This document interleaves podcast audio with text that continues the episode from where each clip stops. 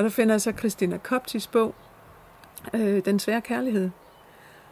Og det var så sindssygt hammerende vildt at læse den bog, fordi det var som om hun havde stået i, gemt i min lejlighed og skrevet referat af, hvad der var foregået her. Det var fuldstændig sindssygt.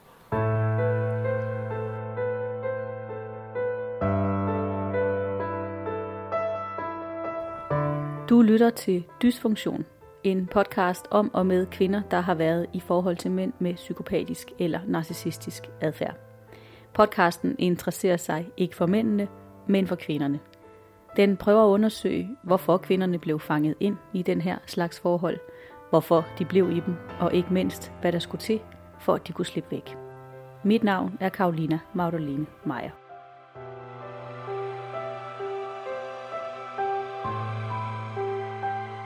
I den her episode skal du høre Gittes historie. Gitte er 54 år, og hun er studerende. Hvis du i optagelserne med Gitte kan høre lidt fuglefløjt i baggrunden, så er det ikke fordi, jeg har lagt det ind som underlægningsmusik, men fordi interviewet med Gitte blev foretaget en varm sommerdag sidste år i Gittes lejlighed med altandøren stående åben.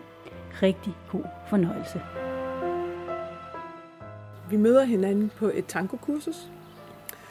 Øh, vi bliver sat til at danse sammen på det her kursus, og det er, det er rigtig sjovt.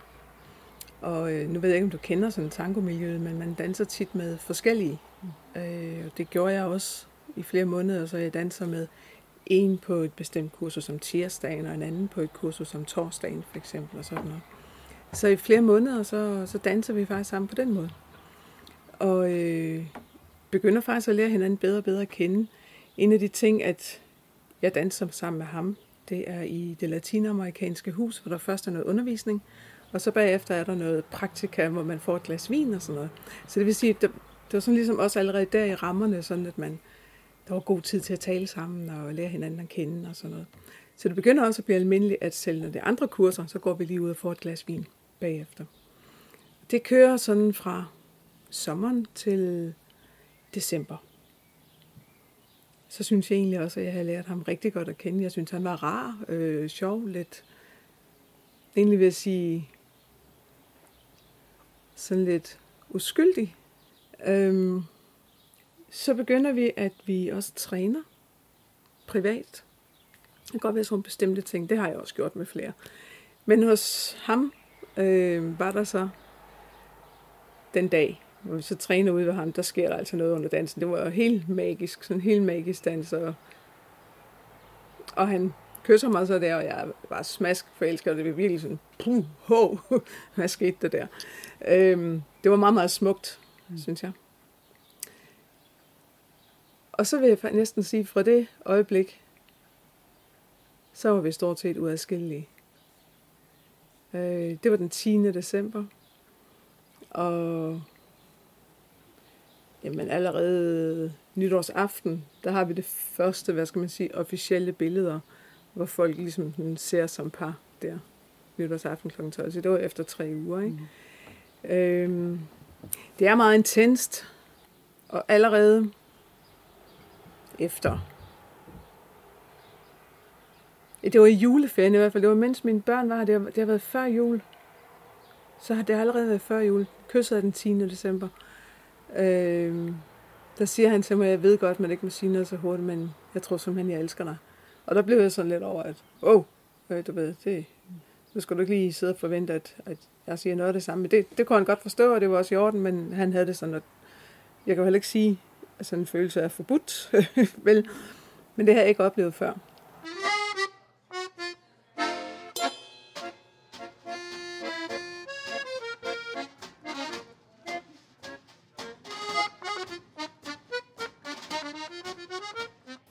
Men jeg er ufattelig glad for ham, og jeg synes tiden sammen med ham, det var, det var helt fantastisk.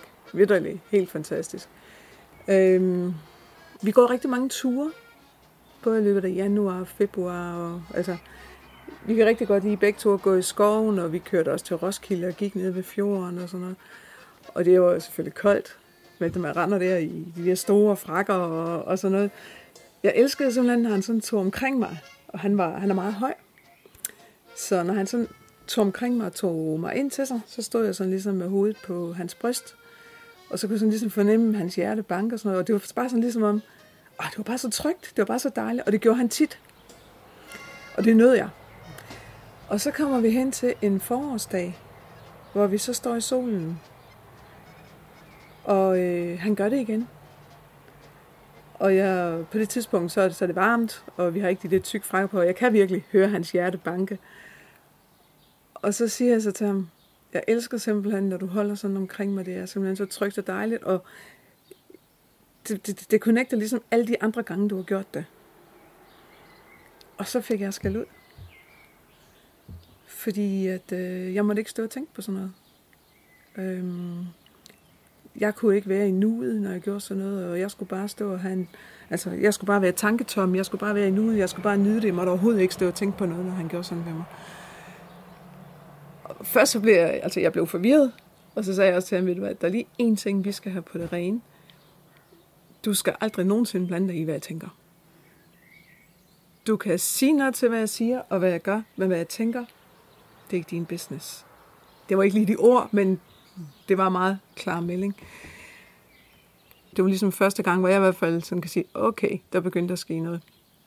Så sker der det, at den lejlighed her, den skal renoveres totalt. Altså taget har været af, gulvene har været oppe, det har været fuldstændig. Øhm, og der skal jeg genhuses. Det er noget, ejerne, de jo sådan set sørger for.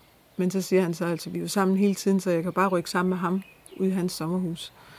Og, øh, så det, det meddeler jeg ejerne, og så der er vi så ude, mens lejligheden den her bliver renoveret. Og det, jeg synes, at vi havde det super fedt. Altså virkelig, virkelig dejligt.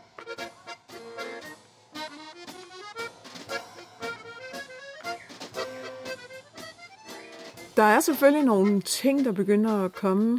Der er nogle ting, der sådan begynder at blive mere og mere med...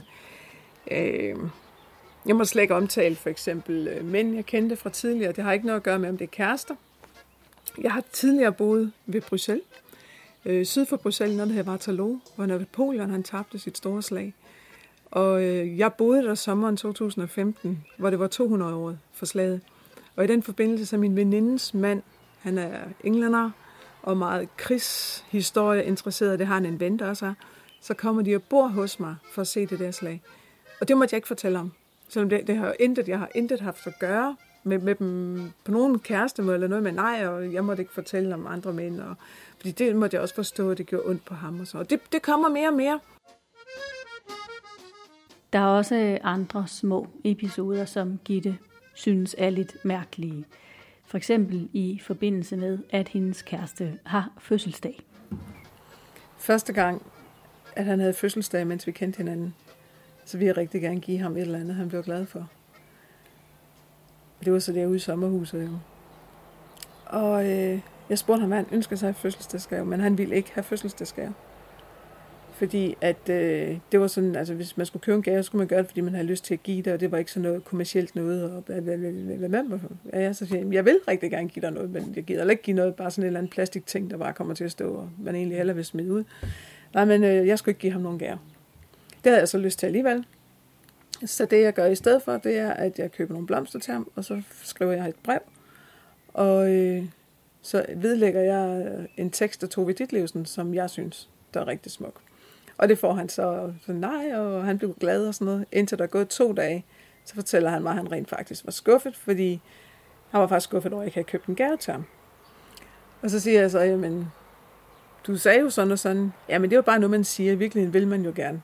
Og så var jeg nødt til at sige, jamen, øh, der har jeg den mangel, af, jeg ikke er tankelæser.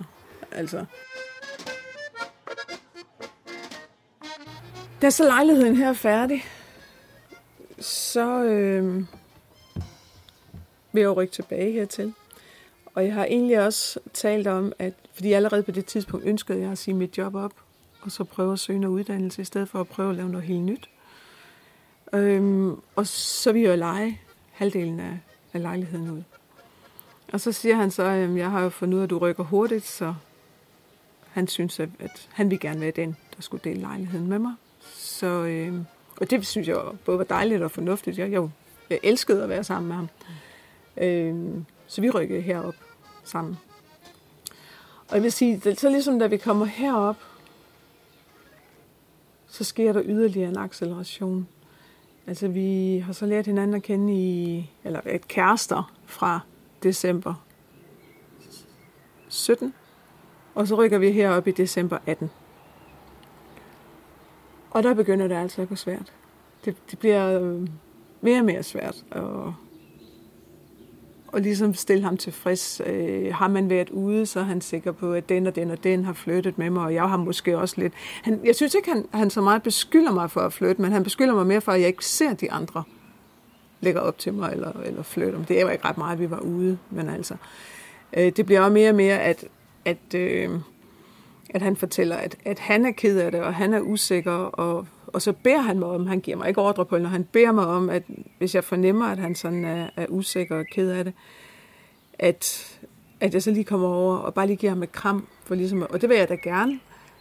Når jeg så prøver at gøre det i virkeligheden, så trækker han sig, så skal jeg sådan ligesom løbe efter ham. Ikke? Men, men det er jo ikke, jeg synes jo ikke, det er en, det er jo ikke en voldsom forlangende af en partner, det synes jeg ikke.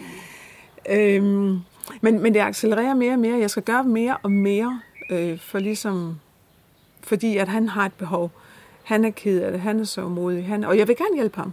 Jeg vil gerne, og, og, og det begynder at blive sådan, hvor, jeg også, hvor vi simpelthen snakker om, det her det er svært.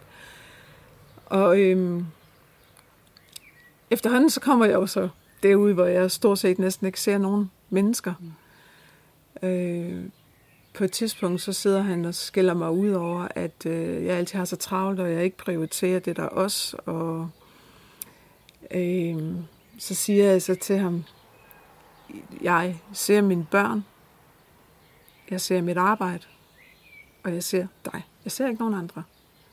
Og så, så, så bliver han sådan, men det var så ikke uvandt på det tidspunkt, der var han sådan flere gange, han så skifter over, så stemmen den er, jeg ved ikke rigtig, hvad jeg skal kalde stemmeføringen, aggressiv, anklagende, sådan, ja, men det har du selv valgt. Det er ikke min skyld, det er, når du selv har valgt. Ja, det er det, siger jeg så. Og når du nu ved det, hvordan kan du så sige, at jeg ikke prioriterer det? Når du nu ved, at jeg selv vælger det her.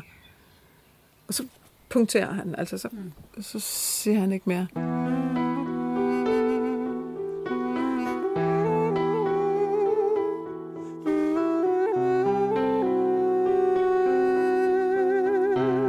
Så begyndte det også med de her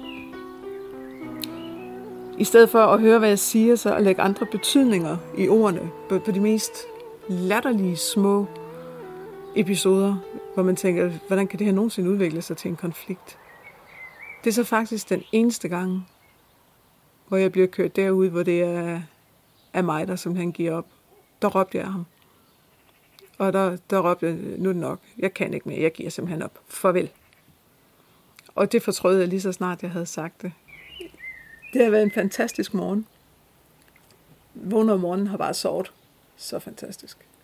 Jeg vågnede tidligt, og jeg skal først være ude på DTU om nogle timer, så det gør faktisk, at jeg kan nå at løbe en tur. Og så løber jeg ud af vejene her, og der er jo marker og, og sådan noget ud af. Og det var altså der, hvor solen stod op.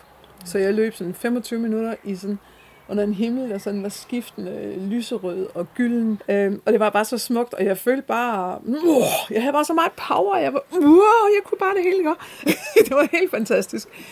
Så da jeg kom hjem, så kunne jeg også lige, og jeg kunne da lige, jeg kunne da lige øh, tømme opvaskemaskinen, før jeg gik i bad, og jeg kunne bare det hele godt. Det var bare så fedt det hele. Og så skal jeg have en kadås ud i opvaskemaskinen, og den har plads op i et skab. Og i det skab, der var der ikke lige plads, fordi der stod to bakker tarteletter. Og de tarteletter havde stået der længe. Og jeg kunne lige pludselig ikke huske, hvorfor det var, jeg havde sat de tarteletter der. Fordi lige pludselig tænkte jeg, er det nu bedst kagedåsen lige står på køkkenbordet et stykke tid, eller er det med tarteletterne? Men så tænkte jeg, var der noget med tarteletterne ikke kunne tåle sollys? Eller hvordan, hvordan var det nu lige? Det kunne jeg ikke lige huske, vel? Så jeg står med den her kagedåse i den ene hånd, og skabstøren i den anden. Og så siger jeg, skal, hvorfor, hvorfor de tarteletter, de er der? Så kuldte han ud. Han blev simpelthen så vred på mig skældte mig ud over, at jeg skulle ikke skælde ham ud over de toiletter. Stod der, så, jeg var, der var jeg fuldstændig paf. Det var sådan første gang, det sådan skete rigtigt på den måde. Det, det skete gentagende gange senere. Øh, jeg siger, jeg har da ikke skældt derude. Jo, for jeg, øh, og så, så efterhånden drejede han det over i, at hvis man bruger ordet hvorfor, så er det automatisk sådan en, en skælden ud, og Det tog altså flere dage, og jeg fik at vide, at jeg overhovedet ikke vidste noget om, hvordan det var, jeg virkede, når jeg talte med folk, og jeg burde stille mig ud foran et spejl og øve mig i at tale til folk, og altså den fik hele armen, og jeg prøvede virkelig på at få ham til, til at se det reasonable, Så okay, det kan godt være, at du kan forstå det på den måde. Det kan jeg godt anerkende. Men kan du også anerkende, at det kan forstås som bare et hvorfor? Det kunne han ikke på nogen måder, og, og, og det var faktisk den, der blev kørt op, at så man kan jo slet ikke snakke sammen. Så der gav jeg simpelthen op, men fortrød efter to minutter. Den kørte han så rigtig meget på det næste lange stykke tid med. Du har fyret mig. Og det gjorde ondt, og det gjorde alt muligt, og blø, blø, blø, blø, blø, blø, blø. Altså.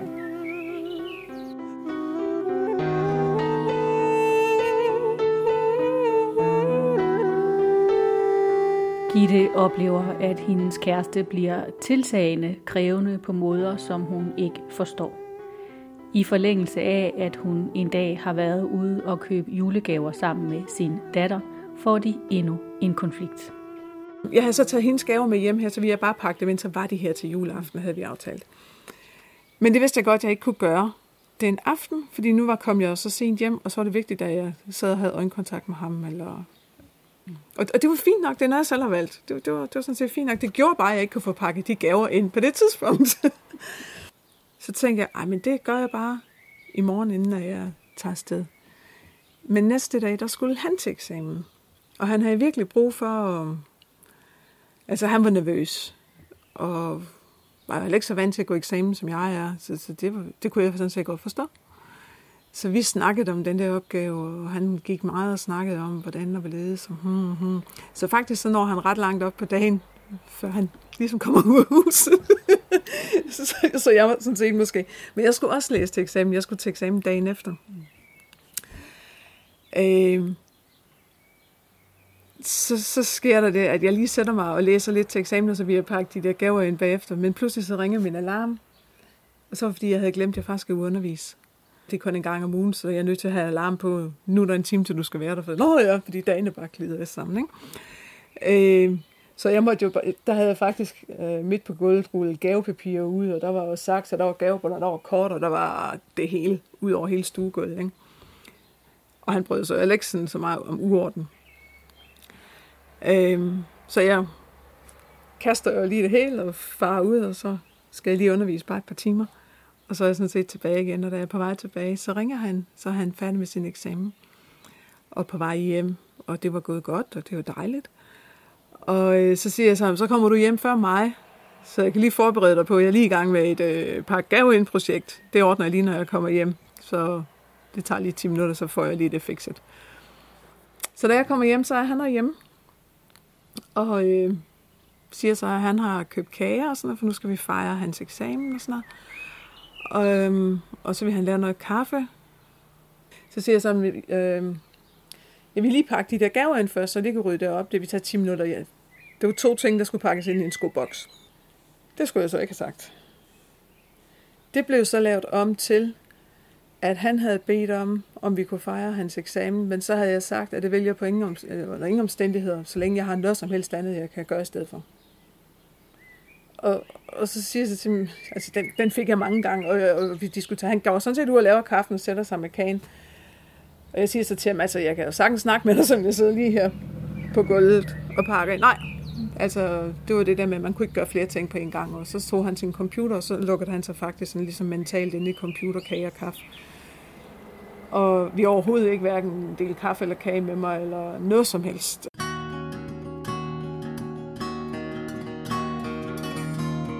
Konflikterne eskalerer op til julen 2019, og selve juleaften bliver Gittes kæreste fornærmet over, at hun har købt en gave til ham, på trods af, at han har sagt, at han ikke ønsker sig noget. Det er meningen, de skal holde nytårsaften sammen, bare de to, men dagen før, da Gitte er i bad om morgenen, kan hun pludselig høre, at hendes kærestes lyde er anderledes, end de plejer at være. Da jeg så kommer ud af badet, så sidder han herinde på stuegulvet og mediterer. Og inde på sengen, der ligger der en pakket kuffert. Og så går jeg ind og så siger jeg så til ham, øh, der ligger en pakke kuffert inde på sengen. Ja. Men han var nødt til at finde et andet sted at sove. Og så var jeg sådan, øh, jamen, øh, vi havde så dårligt der i nat, og, og så, så, jeg kan dårligt huske, hvordan han kom frem til, at han skulle hele tiden finde et andet sted at bo, og, og det, han, han skulle ikke bo her mere. Og jeg stod sådan, hvad du står og siger, at flytter du? Ja, det gjorde han. Så siger han, hvor? Hvor skal du hen? Altså, hvor flytter du hen? Og sådan, det vidste han ikke noget om. Det måtte han jo finde ud af i løbet af dagen. Og det her, det foregår ved 9-tiden om, 9 om formiddagen. Øhm, så, så jeg var sådan lidt, mm, er det ikke dit hjem mere, det her? Er det det, du fortæller mig, at det er ikke dit hjem? Når, når du tager på arbejde nu, så kommer du ikke hjem her mere? Nej, det gør han ikke. Så siger han så, så siger han så, ja, men, og så kigger han sådan på mig, sådan, så siger han, det, jeg, jeg har ikke længere noget håb. Jeg tror ikke længere på det, gør du? Og så kiggede jeg på ham, så sagde jeg, ved du hvad, det er fuldstændig lige meget, hvad jeg tror og hvad jeg ikke tror. Det her, det er dit projekt. Og så siger han så, det tager du meget roligt. Så siger jeg, hvad har du tænkt dig, jeg skal gøre? Skal jeg tage et eller andet kast på dig, eller hvad? Hvad skulle det hjælpe? Så går han med sin taske, sådan en lille kabinkuffert til fly. Og øh, så siger han så, jeg ringer i eftermiddag. Det gør han så ikke. Den 1. januar kommer Gittes kæreste og henter sine ting, og det er sidste gang, hun ser ham. I starten oplever hun en enorm frihedsfølelse over, at hun endelig kan være sig selv igen. Hun beskriver det selv som en følelse af, at nogen hælder en spand varm gelé ned over og ned igennem hende. Hun får også googlet sig frem til psykoterapeut Christina Koptis bog Den svære kærlighed, som handler om narcissisme i parforhold. Den bog læser Gitte, og det er den, hun beskriver i starten af den her udsendelse, hvor hun siger, at hun havde det som om Christina Kopti havde været en flue på væggen i Gittes parforhold. Bogen hjælper Gitte til at forstå, hvad hun har været igennem. Men efter den første umiddelbare frihedsfølelse, så kommer der en periode, hvor tingene bliver sværere for Gitte, og hvor hendes krop både fysisk og mentalt reagerer voldsomt på alt det, der er sket. Så sker der så noget med mig. Jeg begynder simpelthen at, at miste begejstring. Jeg begynder at... Noget, jeg selv tolker som værende starten til en depression. Jeg har heller aldrig haft sådan noget, før jeg har haft folk omkring mig, der har haft det. Men jeg plejede for eksempel så har bare gået en tur over skoven, lige meget, hvor meget skidt der sker, så, ej, så kan man også lige se sådan en solstråle, wow, ikke? eller sådan noget. Solstrålerne var der, begejstringen der var bare væk, ikke også? Altså, det var, det var bare væk. Så sker der så det oveni, at øh, fra den ene dag til den anden, fuldstændig sindssygt, begynder jeg bare at bløde. Fuldstændig vanvittigt. Det hele det kunne næsten bare være, være lige meget. Det, det er virkelig, det er virkelig, virkelig vildt, som det bløder. Og det er torsdag, fredag, lørdag, søndag. Det løber bare ud af mig. Mandag ringer jeg så til en læge. De vil så se mig tirsdag. Mens Gitte sidder i venteværelset hos lægen, sidder hun med sin telefon og browser på nettet. Hun kommer ind på Christina Koptis hjemmeside og beslutter resolut at bestille en tid hos hende. Efterfølgende begynder hun i terapi hos Christina Kopti, hvilket har været en stor hjælp for Gitte i hendes proces med at forstå, hvad det er, hun har været en del af i to år. I forhold til hendes blødning bliver hun sendt videre til undersøgelser, men heldigvis fejler hun ikke noget.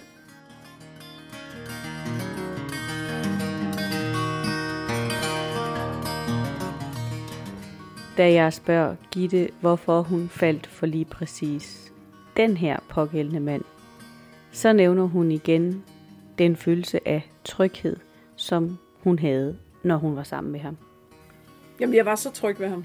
Altså, og jeg havde jo kendt ham godt, synes jeg. Altså, vi havde jo virkelig snakket om mange ting, og jeg var virkelig tryg ved ham. Da jeg flyttede fra Bruxelles, der ønskede jeg ikke at flytte fra Bruxelles, og jeg var ked af, at jeg skulle flytte fra Bruxelles. Og så kan jeg ikke lige øh, finde et sted at bo. Det er enormt svært at finde et sted at bo i København, når man kommer udefra og ikke har netværk her. Så ender jeg et hus ude ved Dragør i blandt de mest fantastiske naboer.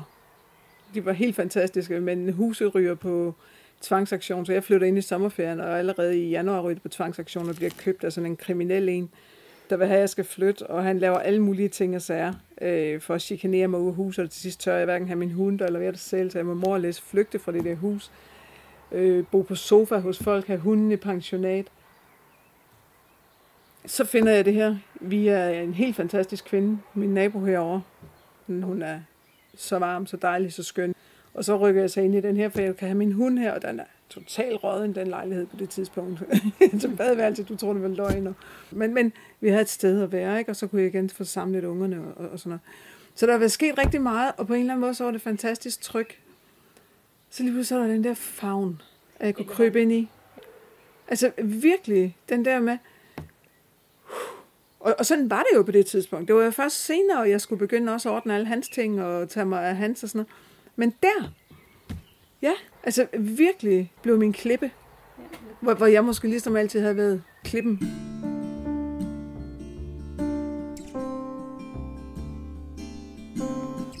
Jeg spørger Gitte, om hun kan forklare, hvorfor hun valgte at blive i forholdet, på trods af, at både forholdet og Gittes egen trivsel gik hastigt ned ad bakke. Det var fordi, at Hvorfor? jeg jo også synes, at når vi så havde det godt, så havde vi det rigtig godt. Jeg kunne, jeg kunne have det, altså jeg synes faktisk, at vi oplevede rigtig mange ting sammen. Vi har, vi har lavet rigtig mange ting sammen på de der to år. Og så var der også det med det trygge. Jeg elskede simpelthen at, at krybe ind til ham. Det, det, det var da helt klart en, en vigtig del. Jeg er også den overbevisning, at, at når man ved, at noget kan være godt, og noget fungerer, uanset om det er et parforhold, eller om det var i mit job som skolelærer, eller, eller, eller hvad det kan være, ikke? jamen så går der, så går der lidt ned ad bak, jamen, så må vi skulle lige uh, trække i arbejdstøjet alle sammen, og så kommer vi lige tilbage på sporet. Ikke? Det er min indstilling. Og det vil jeg også gøre igen. Men nu vil jeg kende nogle tegn, som vi gør, at vi siger, okay, det her bliver frasorteret. Men, men jeg, jeg vil stadigvæk ikke holde jeg vil stadigvæk ikke holde af, at man siger, at det her vil vældig godt, nu har han begået en fejl ud til højre. Det vil jeg stadigvæk ikke gøre. Jeg synes jo ikke, jeg er jo ikke blevet truet til at opgive mit liv og bestyrelsesposter og, og sådan noget. Det er jeg ikke. Jeg har valgt det, fordi jeg tænkte, okay, det er det noget, vi skal klare sammen, så vi kan komme tilbage til det gode.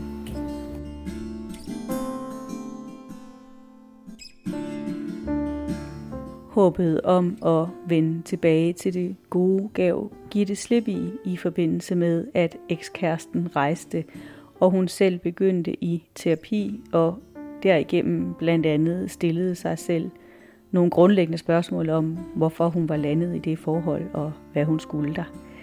Jeg spørger Gitte, om hun kan pege på nogle af de erkendelser, hun har gjort sig efterfølgende. Jeg synes, det er en gevinst. Og sjovt. Jeg synes faktisk, det er en sjov proces. Det her med at prøve at finde ud af og, og stille nogle andre krav. Og det er lidt sjovt, fordi jeg tror aldrig, at der er nogen, der har sagt, at jeg var en, der var blid og nem. Jeg tror altid, jeg har fået at vide, at jeg var. At jeg har været skrab, og jeg har, også, jeg har altid stillet store krav. Men der har bare ikke været krav om, at folk skulle tage sig af mig. Der har Christina åbnet mine øjne for, at åbne noget mere også omkring det, der er svært. Du, du behøver ikke kunne stå og, og kunne klare det hele selv, og det er måske nok det, jeg synes, at alle kvinder vi, et eller andet sted bliver vi opdraget til, at det er os, der, der er hjemmets lim, det er os, der skal kunne klare det hele, og du må ikke sige for meget fra, for der skal jo to til en tango, og der skal vi faktisk være, det, vi, vi skal være klar over det, okay, vi holder lige så meget af os selv, og passer lige så meget på os selv. Det handler mere om, at jeg nok aldrig nogensinde har lært andet end det der med, at i, i sidste ende, der har jeg faktisk kun mig selv. Og det er virkelig ikke, fordi jeg ikke har haft familie, der støttede mig, og sådan noget, for det har jeg. Men det er stadigvæk altid meget at være den stærk. Og jeg tror faktisk ikke, jeg har svært ved at bede om hjælp. Men jeg har rigtig, rigtig svært ved at genkende situationer, hvor jeg kunne bede om hjælp.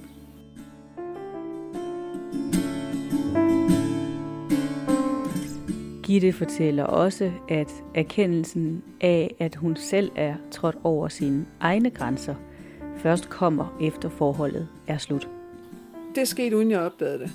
At jeg egentlig, jeg, jeg lod mig dæmpe. Det gjorde jeg. Jeg lod mig dæmpe. Også mere end jeg var klar over.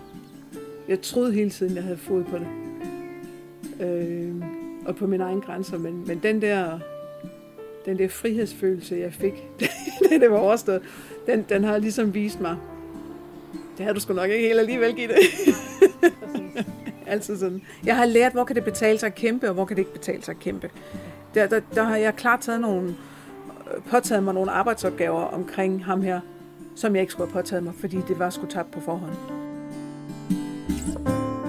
Til sidst spørger jeg Gitte, om hun ligefrem vil sige, at hun er taknemmelig for at have været i det pågældende forhold, når man tænker på den personlige proces inde i Gitte, som forholdet har sat skub i. Jeg er ikke taknemmelig for det. Det er jeg ikke. Der, der går jeg simpelthen ikke hen. Jeg synes simpelthen, det var så modbydeligt at opdage, at, at nogen har haft de der onde hensigter, altså med at vi ødelægge mig. Det er jeg ikke taknemmelig for. Det kunne jeg godt have lært på anden vis. Det på ingen måde skal han have det her. På ingen måde.